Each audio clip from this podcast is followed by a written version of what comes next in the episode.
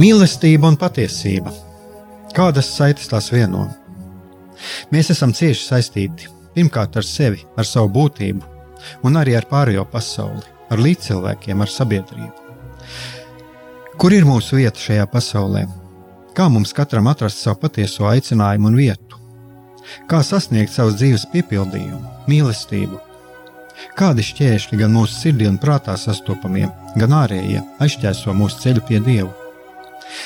Šie jautājumi ir mūsu dzīves sastāvdaļa, svarīgi mūsu ceļā uz svētumu. Meklēsim šajā raidījumā kopā atbildes uz šiem jautājumiem.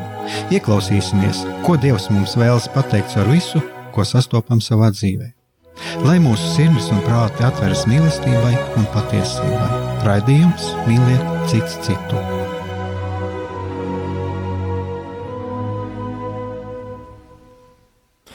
Lai to Kristus ir augšām cēlies, viņš patiesi ir augšām cēlies. Darbie radioklausītāji, no visas sirds eh, vēlos uh, apsveikt visus šajos, eh, šajā skaisto svētku laikā, ko mēs izdzīvojām, ko mēs izdzīvojām gan baznīcās, gan, gan kopā ar saviem cilvēkiem. Un vēlos sveikt arī tos, kuri varbūt neizdzīvoja to prieku, kuri nepiedzīvo šajā svētku laikā. Šo prieku, jo mēs visi esam aicināti uz šo augšām celšanos, uz augšām celšanos katrs savā dzīvē. Un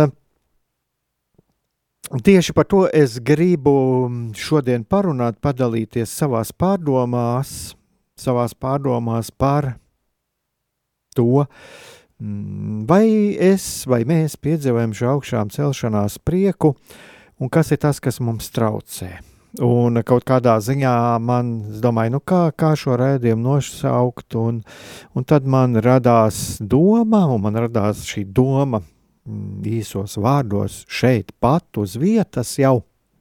Man bija garāka doma, garā, doma par garāku nosaukumu, bet šoreiz es domāju, tā mm, šim šai raidījuma motīvs varētu būt no kapiem uz augšām celšanos. No kapiem uz dzīvi, no kapiem uz manis paša dzīvi. Un ar ko es gribētu sākt? Es gribētu sākt ar saviem vērojumiem. Un uh, es domāju, darbie radioklausītāji, arī jūs būsiet pamanījuši kādas um, līdzīgas parādības tam, par kurām es runāšu. Mēs reizēm dzirdam sūdzības par to, ka baznīcas kļūst tukšākas, un tā tas arī ir. Bet uh, kas pie tā ir vainojams? Ja mēs salīdzinām, cik daudz pilsētās ir iedzīvotāju un cik no viņiem apmeklē baznīcas, tad eh, es domāju, ja šie cilvēki nāktu uz svētdienas dievkalpojumiem, neatkarīgi no tā, kas šīs ir pa baznīcām, kādai konfesijai piederīgas, uh, tad uh, būtu, ap baznī, būtu pašas baznīcas un laukumi ap baznīcām būtu pārpildīti. Un uh, nāktos būvēt ar vien jaunas un jaunas baznīcas, lai varētu tā kā viduslaikos piepildīt, lai cilvēkiem būtu vieta, kur, kur tās apmeklēt. Un, uh, labi, varam jau, mēs saprotam, ka ne visi cilvēki ir kristīti, ne visi ir kristieši, bet, ja mēs, protams, uh, šeit būtu vajadzīga statistika, tās ir tikai tādas manas personīgās domas, bet es domāju, ja arī šajās pašās katoļu baznīcās cilvēki, kas ir kristīti katoļu baznīcā, Ja viņi apmeklētu šīs baznīcas šajos svētdienas dievkalpojumos, es domāju, ka arī baznīcai būtu nepieciešamība būvēt jaunus dievnamus vai, vai vismaz kādas piebūves uzbūvēt. Tā tad, jā, baznīcas kļūst tukšākas. Bet tā pašā laikā ir vēl viena parādība, un, un kuru es esmu vērojis daudzus, daudzus gadus, un ko arī droši vien jūs, darbie radioklausītāji, būsiet pamanījuši. Um, ir divas reizes, ga, ir diš, vismaz divas reizes gadā, kad baznīcas ir pilnas. Tas ir Ziemassvētku laiks un Lieldienu laiks. Kas tas ir par fenomenu? Fenomenu? Un es domāju, ka tur arī ir vajadzīgi pētījumi. Taču tā ir. Salīdzināsim parastu liturģiskā gada svētdienu un kaut vai to, ko mēs redzējām šajā laikā, Lieldienu laikā. Baznīcās cilvēku ir daudz. Es nedomāju, ka tik daudz, kā jau es runāju, ja būtu visi šie kristītie, eh, tad iespējams dažai baznīcai vajadzētu atrast vietu eh, ārpus baznīcas eh, ēkas, bet cilvēku ir daudz, daudz vairāk. Un kaut kādā ziņā mm, šajos svētkos, gan Ziemassvētkos, gan Lieldienās eh, man, es domāju, kā šo noformulēt, kad es arī gatavojos šim redzījumam, un pirmais, ko es tā gribu teikt, tas ir tīri, tīri, tīri mans, manas izjūtas, ka ir pat sajūta, ka nav kaut kāda īsta kopība. Jā, mēs esam kopā, bet, bet kaut kā tur trūkst. Jā, ir svinības, bet tādā pašā laikā ir kaut kāda mm, tukšuma sajūta. Un, darbie radioklausītāji, šajā gadījumā es ceru, ka jūs neuztversiet mani tajā, ko es runāju, un arī iepriekšējos raidījumos. Es ceru, ka man ir pietiekami daudz pazemības un ka manī nav šīs tiesāšanas. Es izsaku tikai savus vērojumus un savas subjektīvās domas, jo, kā jau es teicu, mm, ir vajadzīgs par daudzām lietām pētījumi. Bet tas, ko es runāju, Ziniet, ka tās ir tikai manas domas, un tikai Dievam ir zināms, kas patiesībā notiek cilvēku prātos un sirdīs. Taču vērojot, vērojot šo situāciju, man ir pat sajūta, ka mūsu kristiešu vidē ir kaut kā ļoti, ļoti izplatīta izplatīts tas, ko mēs varētu saukt par maģisko domāšanu.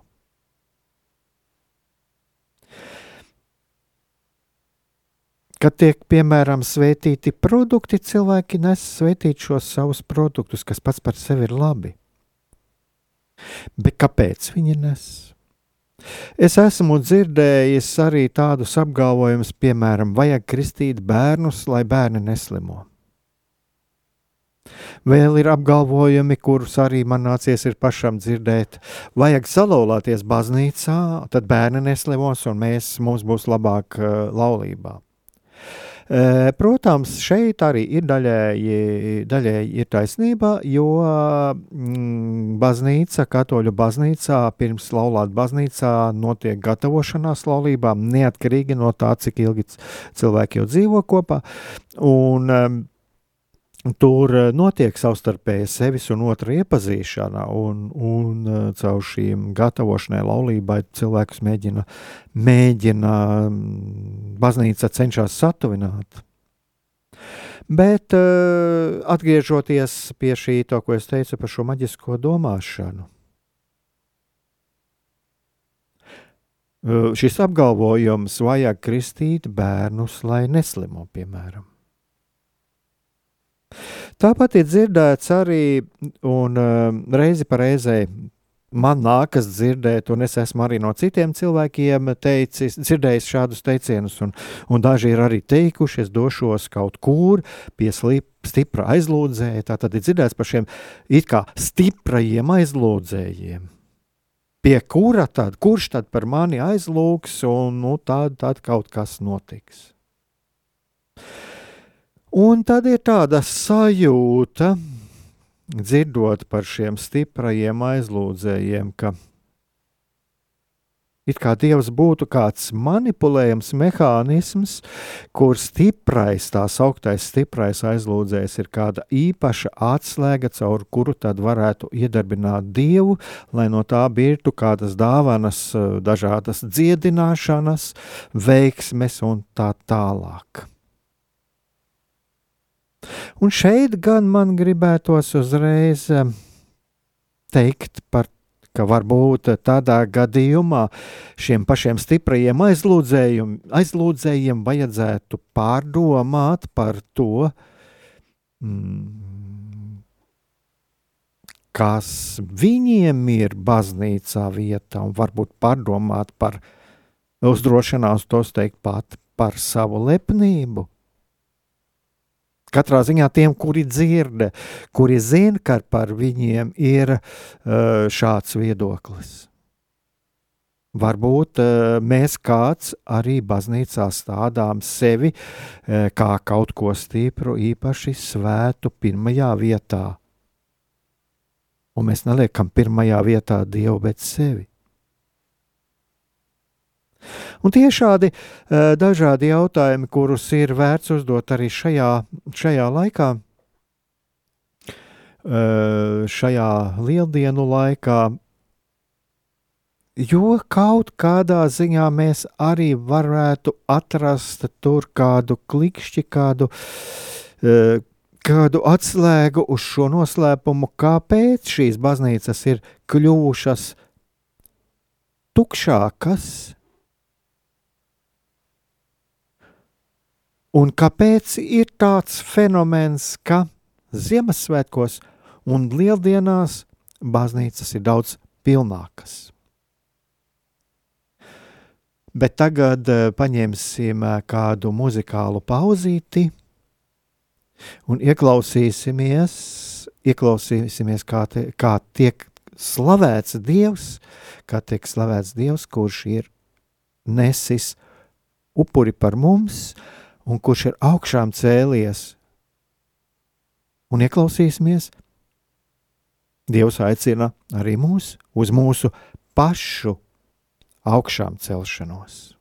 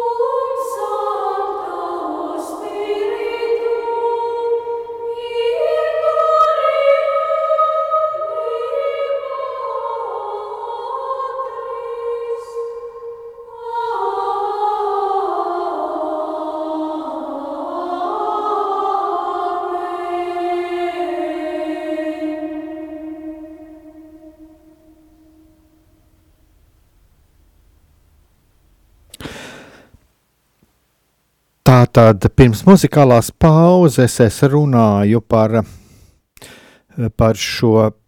Nu, es pats tā persona, tas ir tāds mans redzējums, bet man šķiet, ka ir kaut kas, ko mēs varētu pielīdzināt maģiskai domāšanai, jo apgalvojumi, ka kristīt bērnus, lai neslimo, um, un Jā, un arī tās sauktās stiprās uh, lūkšanas. Un, un šeit eh, es varētu vēl varbūt tālāk izvērst arī šo tēmu, ir šīs autoritātes, tā sauktie stiprie aizlūdzēji un tā tālāk. Mm, tas ir raksturīgs vispār sabiedrībai kopumā, ne tikai baznīcai. Un, uh, tomēr arī ļoti svarīgi apzināties cilvēkam, kurš ir kaut kāda autoritāte, uh, kurš, uh, kuram tic, uz kuru paļaujas, arī šī atbildība, atbildība vai, teiksim, kādas kopienas priekšā, baznīcā, baznīcas arī pārējo cilvēku priekšā, kas, kas arī manī klausās, uh, Un tāpat arī šajā laicīgajā pasaulē ir svarīgi, kas ir mans, tā kā šeit ir svarīgi, vai man ir Dievs svarīgāks, vai, vai, vai, es, vai es pats. Tātad es tādu sevi priekšā kaut kādu savu subjektīvās vajadzības vai, vai dieva un arī pārējo cilvēku baznīcas sabiedrības vajadzības. Tas ir tāpat kā arī laicīgajās Mm, pasaulē ir ļoti bieži mēs saskaramies ar to problēmu, ka uh, ir šī autoritāte, sevis paaugstināšana, kur šī mm, bosa intereses tiek stādītas augstāk par kāda uzņēmuma, organizācijas vai sabiedrības interesēm. Un es domāju, ka tas iet arī kopā roku rokā, un mēs vieglāk varam saprast arī šos principus, kā viņi darbojās. Un viņi var darboties arī baznīcā. Jo mēs dodamies pie kaut kā stipra, šķietami stipra, mēs varam aizmirst gan e, paši savas intereses, arī savus talantus, savas spējas, savas vajadzības, un mēs galu galā arī varam aizmirst Dievu un neieraudzīt Dievu uz to, ko Dievs mūs aicina. Un, jā, ir ļoti labi, ja mēs klausāmies pieredzējušās autoritātēs, bet tāpat tajā pašā laikā ir svarīgi neaizmirst, kā mums, kā kristiešiem, ka šī autoritāte ir kā dieva dots mūsu dzīves ceļā, caur kuru Dievs mums kaut ko vēlās pateikt, un Dievs mums vēlās parādīt mūsu katra paša individuālo personīgo ceļu. Centrā ir nevis šī autoritāte, bet tas, ko Dievs mums vēlās pateikt. Un kā jau es runāju, kādreiz arī bija viens raidījums, nav sliktu vai, vai labu lūkšanu, ir lūkšana, kura, caur kuru es eh, pietuvojos Dievam, un tā ir eh, varbūt dažādas. Katram tā var būt dažāda. Vēl viena lieta, kas ir tīri laicīga, ar ko nākās saskarties un ar ko es saskaros pats personīgi ļoti bieži, ko cilvēki runā, attieksme pret garīdzniekiem. Vai es baznīcā meklēju iespēju satikt Jēzu, vai satikt garīdznieku? Un eh, tas ir pilnīgi normāli, ka mums ir atšķirīgas mentalitātes, ar vieniem ir vieglāk, ar citiem grūtāk saprasties. Bet vai nav tā bieži arī mums nācies dzirdēt, ka cilvēks saka, es uz šo baznīcu neiešu, jo tur ir tas un tas priesteris. Un te es atkal vēlētos atgādināt kādu skaistu leģendu. Es nezinu, cik tā atbilst patiesībai, un varbūt es kādreiz atkal šo tekstu izlasīšu, es kādreiz esmu to lasījis par Svēto Asīs Francisku, varbūt kādam no jums klausītājiem ir pat labāk zināms par mani šīs gadījums vai šis stāsts, bet tas ir tāds, kad uh, Svētais Asīs Francisks kādā vietā dzirdēja no cilvēkiem par kādu priesteri, ka šis priesteris, ka viņam lūk piemītot visi iespējamie grēki, Un ko darīja Svētais Asīs Francisks? Viņš nokrita ceļos pie šī priestera priekšā, noskūpstījis viņa rokas un, un teicis tā, ka lūk, šīs rokas ir tās, kas katru dienu turā rokās Jēzu. Lūk, Jēzu, kas ir šajā eh, maizes gabaliņā, šajā hostijā. Un, manuprāt, tā ir tāda ļoti, ja arī šis stāsts nav patiesas, viņš ietver, tomēr viņš ietver ļoti, ja šis stāsts neatbilst uh, reālajiem notikušajiem faktiem, ja arī tas tā nav, tad viņš tomēr ietver ļoti dziļu patiesību. Mēs uz baznīcu dodamies satikt Jēzu, mēs dodamies satikt Dievu, pašu Dievu. Un tas ir pilnīgi normāli, ka mums var būt atšķirīgi viedokļi, atšķirīgas mentalitātes. Ar vieniem priesteriem mums ir vieglāk saprasties, ar citiem grūtāk saprasties. Bet viņi ir konsekrēti, konsekrētas personas, un viņu sakramenti ir doti mums kā žēlastība, kā dāvanas. Tātad pārdomāt mēs varam arī par to, ko mēs meklējam baznīcā, pie kā mēs ejam baznīcā. Un šajā gadījumā, izslēdzot visu, arī mēs dzirdam, arī, ko pāvests kādreiz runāja. Viņš arī aicina priesterus būt, būt uh, žēlsirdīgiem, izprotošiem. Jā, mēs zinām, bet es savā atceros, ko es kādreiz runāju kad es arī sūdzējos par dažām lietām, kas man nepatika, kas notik, notiek baznīcā. Es devos pie tēva Antona Smeltera, un viņš ļoti vienkārši un gudri pateica. Un gudrība ir šajā vienkāršībā. Viņš pateica ļoti vienkārši. Mēs esam grēcinieku baznīca. Apzināties to ka mēs esam šī baznīca, ka mēs esam visi grēcin, grēcinieki, katrs, katrs ar kaut kādiem saviem grēkiem. Un tā ir ar mums visiem, kas mēs esam baznīcā. Ar vieniem mums ir ciešāki saikne, ciešāka sadraudzība, ar citiem mēs esam attālinātāki, un ar dažiem esam konfliktā. Bet tas arī pieder pie mūsu dzīves, pie mūsu attiecībām. Svarīgi ir tas, vai mēs tiešām vēlamies šīs lietas risināt. Un attiecības ir kopjamas, un tas ir darāms mums visiem kopā. Baznīca nav tikai garīdznieki, tie esam mēs visi.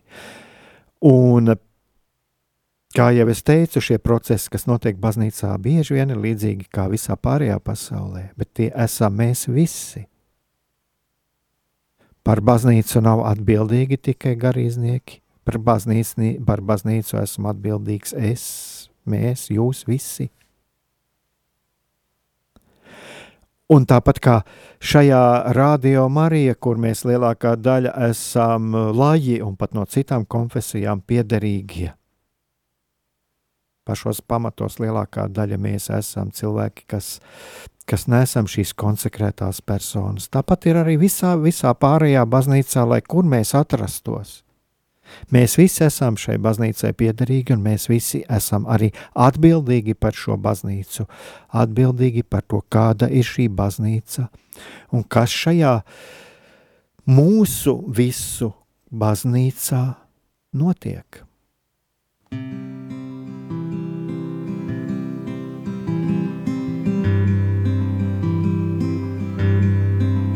All my words fall short. I got nothing new. How could I express all my gratitude? I could sing these songs as I often do, but every song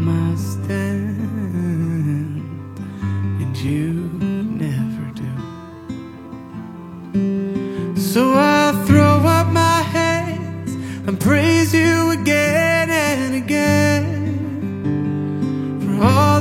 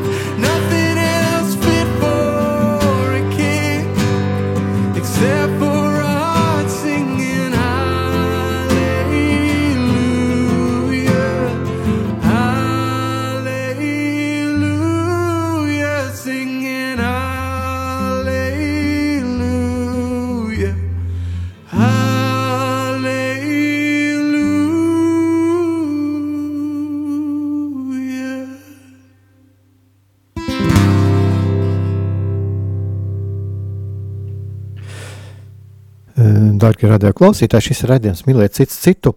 Man arī šeit ir viens tāds komentārs, kur ir minēts par to, ka jā, ir vajadzīgs pie kāda uh, bikstēva, vajadzīgs iet pie kāda bikstēva, kurš palīdza šajā garīgajā ceļā. Uh, Jā, tas varbūt pat nav īsti šī tēmas ietvarā. E, Esam runājuši par garīgo vadību, par garīgo līdzgaitniecību. Šeit ir arī mana, manā raidījumā ir par to runāts, un manuprāt, tā ir ļoti laba lieta, ja arī attīstās šī baznīcā šī tradīcija, šī garīgās vadības tradīcija, un tas ir e, mazliet cits nekā, nekā grēksūdze nekā grēksūdzes sakraments. Te gan es vēlētos piebilst, pāvests diezgan pamatoti runā par, par priesteriem, par grēksūdzes sakramentu, lai grēksūdzes sakraments nekļūtu par kaut ko tiesājošu. Diemžēl ir tādas sāpīgas pieredzes, ko man arī ir nācies dzirdēt, jo, teiksim, arī man kā cilvēkam, kurš arī ar garīgo pavadību nodarbojas, ja cilvēks pie manis atnāk un no sirds stāsta par to, par to, kas viņa dzīvē notiec, noticis vai kas ir viņam noticis. Uh, nekādā gadījumā mm, cilvēks var būt drošs, es viņam šo lietu nepārmetīšu jo viņš atnāk nolikt savu sāpju, un tāpat arī ir grēks sūdzē. Tāpēc es arī aicinātu vienu lietu, gan kas ir varbūt saistīts ar šo raidījumu par, šo, par šiem bikstēviem, eh, par šiem bikstēviem, kad jā, arī jūs, dargie radioklausītāji, esiet saņēmuši kādu ievainojumu no priestera, tad mm, saprotiet, ka arī šis priesteris ir tikai cilvēks, un mm, katrā ziņā tur, jā, Mm, nu, pieņemsim, jā, viņš savā izpratnē viņš ir kaut kādā ziņā kļūdījies, bet pāvests tāpēc arī par šīm lietām runā veikstāviem, kas ir sekojuši līdzi, kad būt žēlsirdīgiem. Būt žēlsirdīgiem, jo, ja es esmu žēlsirdīgs, teiksim, ja ne kā garīgais pavadītājs, es esmu žēlsirdīgs pret cilvēkiem, bet arī, ja priesteris, jā, ja viņš ir žēlsirdīgs, tad uh, tad viņš, um, tad arī šie cilvēki sapratīs, ka tad viņi atnāks pie viņa kā pie šī dieva vietnieka zemes virsū, kurš, um, kura priekšā, kur nolikt Jēzus priekšā arī šos savus grēkus un saņemt šo piedošanu. Jā, bet tā ir arī viena tāda ļoti būtiska lieta. Un uh, tas varbūt arī saskana ar to, ko es iepriekš teicu, ka, kad, um, jā, pieņemt to, ka mēs esam dažādi pieņemt to, ka mēs arī varam saņemt kaut ko sāpīgu uh, no baznīcas un saņemt kaut kādus ievainojumus. Katrā, katrā gadījumā nebaidīties arī, jā, darbie radioklausītāji, nebaidīties arī no šiem sakramentiem un arī no šī grēksūdzes sakramenta. Uh, jo, lai, lai kā ir jau jūs ejat ar atvērtām sirdīm, jūs ejat pie paša Jēzus atkal neatkarīgi no tā, kāds ir priesteris. Uh, Jēzus dzird, Jēzus redz, Jēzus redz šo jūsu sirds stāvokli šajā brīdī. Bet, jā, paldies arī par komentāru, bet es tagad vēlētos atgriezties arī pie, pie tā, ko es runāju par šo baznīcu. Jā, pārkāpumi pie baznīcā ir dažādi, un cilvēki arī daļai tā ievainojas, saņem ievainojumus, un dažādi šie pārkāpumi, bet nu, es kā cilvēks, kas pēdējā laikā es esmu diezgan daudz šīs lietas pats centies papētīt, kas notiek pasaulē un tā tālāk. Mm, šīs lietas notiek gan baznīcā, gan skolās un tā tālāk. Varbūt kādreiz būs jāuztais atsevišķs raidījums. Mm, sāpīgi, sāpīgi, ka notiek baznīcā pārkāpumi. Uh, bet eh, to nevar skatīt eh, atrauti no visas sabiedrības kopumā. Gan šodien, gan arī pagātnē, vēsturē. Jo tikai to zinot, mēs varam veidot kādu labāku nākotni. Bet gribētu atgriezties tomēr arī pie tā, par šīm baznīcām, tukšajām un svētkos pilnajām. Un uh, uzdot šo jautājumu mēs katrs varam. Vai tas, ko es gaidu no baznīcas, ir tas, kādēļ Dievs šo baznīcu dibinājis. Jo varbūt viena no pazīmēm, kas liecina to, ka kaut kas mūsu e, attiecībās ar baznīcu ir kļūdains, ir tieši tas, ka šajos svētkos ir šo cilvēku tik daudz, kamēr pārējās svētdienās ir maz. Nu, viena puse ir varētu būt šī maģiskā domāšana, bet vai arī nav tā, ka mēs baznīcu uh, redzam kā vietu, kur mēs varam atrast un piedzīvot prieku, priecīgas emocijas, priecīgas kaut kādas prieka jūtas. Bet vai baznīcā ir uh, tikai vieta, kur es saņemu pozitīvas emocijas.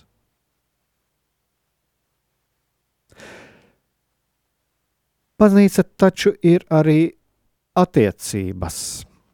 Un šķiet, es arī runāju par attiecību kopšanu. Attiecības ir kopjamas, un attiecībās ir arī atsalumi, kad neko nejūtam. Jo Ja mēs runājam piemēram par mīlestību, tad ir ļoti liela kļūda, ka ja mēs um, uztveram mīlestību kā kaut ko tādu, kur patstāvīgi ir tauriņa vēderā un kur mēs jūtamies kā atrauti no zemes un patstāvīgā priekā. Tie sevišķi tie cilvēki, kas dzīvo laulībā, viņi ļoti labi zina, ka attiecībās ir arī atsalumi, kad mēs neko nejūtam. Attiecībās ir, eh, var gadīties arī tā, ka jā, mēs pat savā ziņā jūtamies nesaprasti. Un, protams, ko mēs darām, ir šie brīži laulībā, kad, kad ir vajadzīgs, kad mums ir vajadzīgs varbūt ja pabūt eh, vienatnē. Un ir brīži, kad mums ir vienkārši ir jāpārunā savā starpā, kā mēs jūtamies. Mīlestība ir darbība attiecībai. Attiecības ir arī savstarpēja darbība, attiecīga sadarbība. Un atstātības laiks, kuru mēs neizbēgam, piedzīvojam jebkurās attiecībās, arī attiecībās ar, ar Dievu, Šis atstātības laiks ir tas, pēc kura nāk arī mierinājuma un iepriecinājuma laiks. Tā tad, kas ir tas, ko es meklēju baznīcā? Kas man ir baznīca?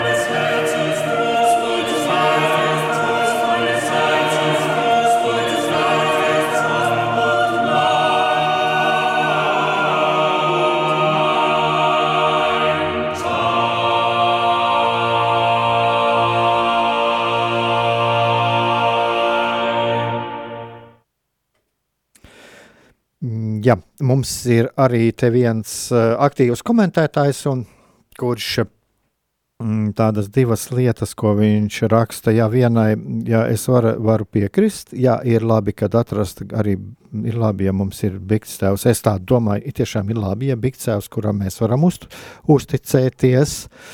Un, uh, bet uh, ir arī otrs. Ir atsaucis uz māsas Faustīnas dienas grāmatu, kur jāgaga Bigstēvs arī garīgais vadītājs. Es gan nezinu, jāsaka tā, es šo dienas grāmatu pats neesmu lasījis, kāds tas ir konteksts. Bet katrā ziņā tā garīgā līdzgaitniecība vai garīgā vadība un grēksūdze nav viens un tas pats.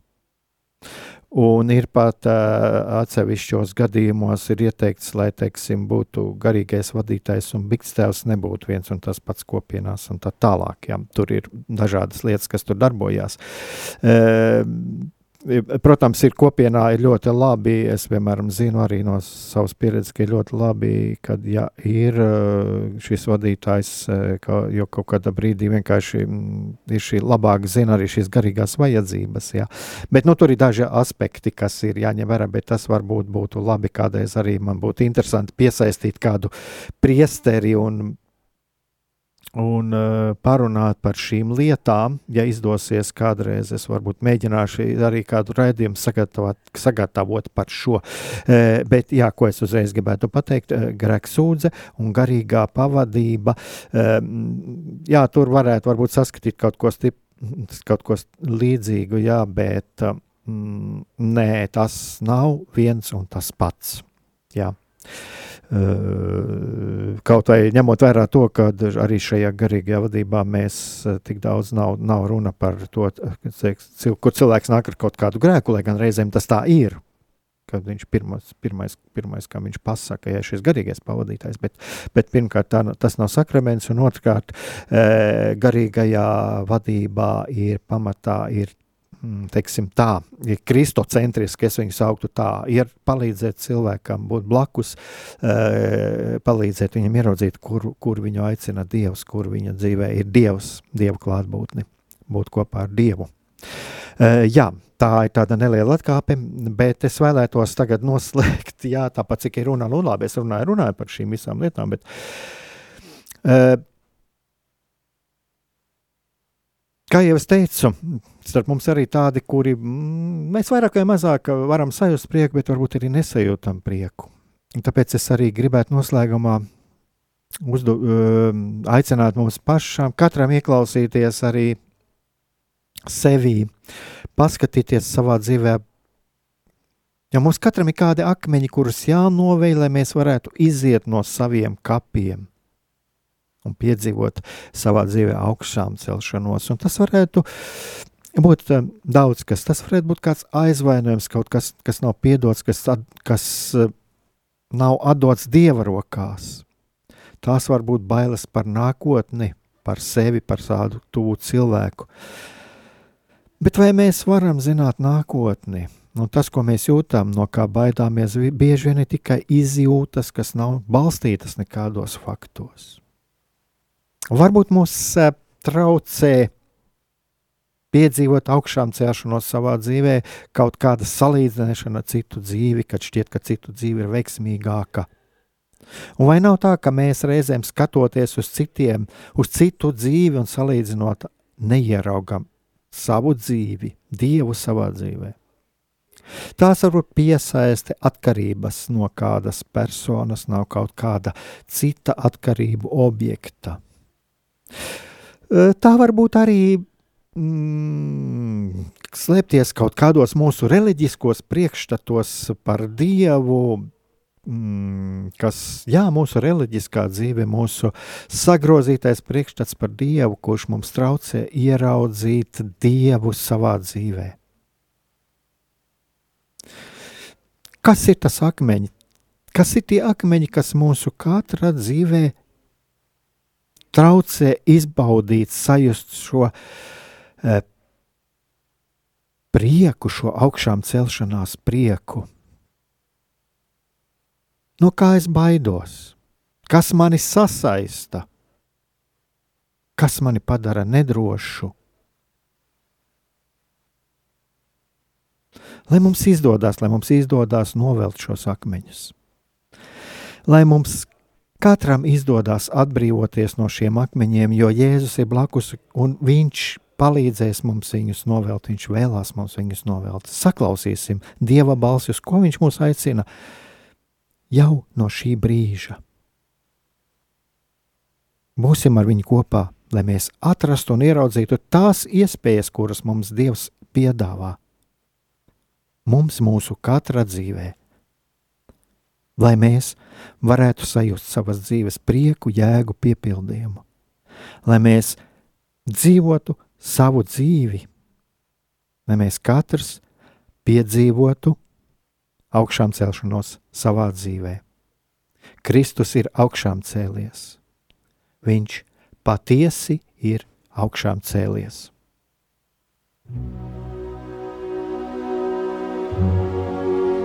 Mīlestība un patiesība. Kādas saites tās vieno? Mēs esam cieši saistīti pirmkārt ar sevi, ar savu būtību, un arī ar pārējo pasauli, ar līdzcilvēkiem, ar sabiedrību. Kur ir mūsu vieta šajā pasaulē? Kā mums katram atrast savu patieso aicinājumu un vietu? Kā sasniegt savas dzīves piepildījumu, mīlestību, Kādi šķēršļi gan mūsu sirdī un prātā sastopamie, gan ārējie aizķēso mūsu ceļu pie Dieva? Šie jautājumi ir mūsu dzīves sastāvdaļa, svarīgi mūsu ceļā uz svētumu. Meklēsim šajā raidījumā kopā atbildes uz šiem jautājumiem. Ieklausīsimies, ko Dievs mums vēlas pateikt ar visu, ko sastopam savā dzīvē. Lai mūsu sirds un prāti atveras mīlestībai un patiesībai, raidījums mīliet citu citu.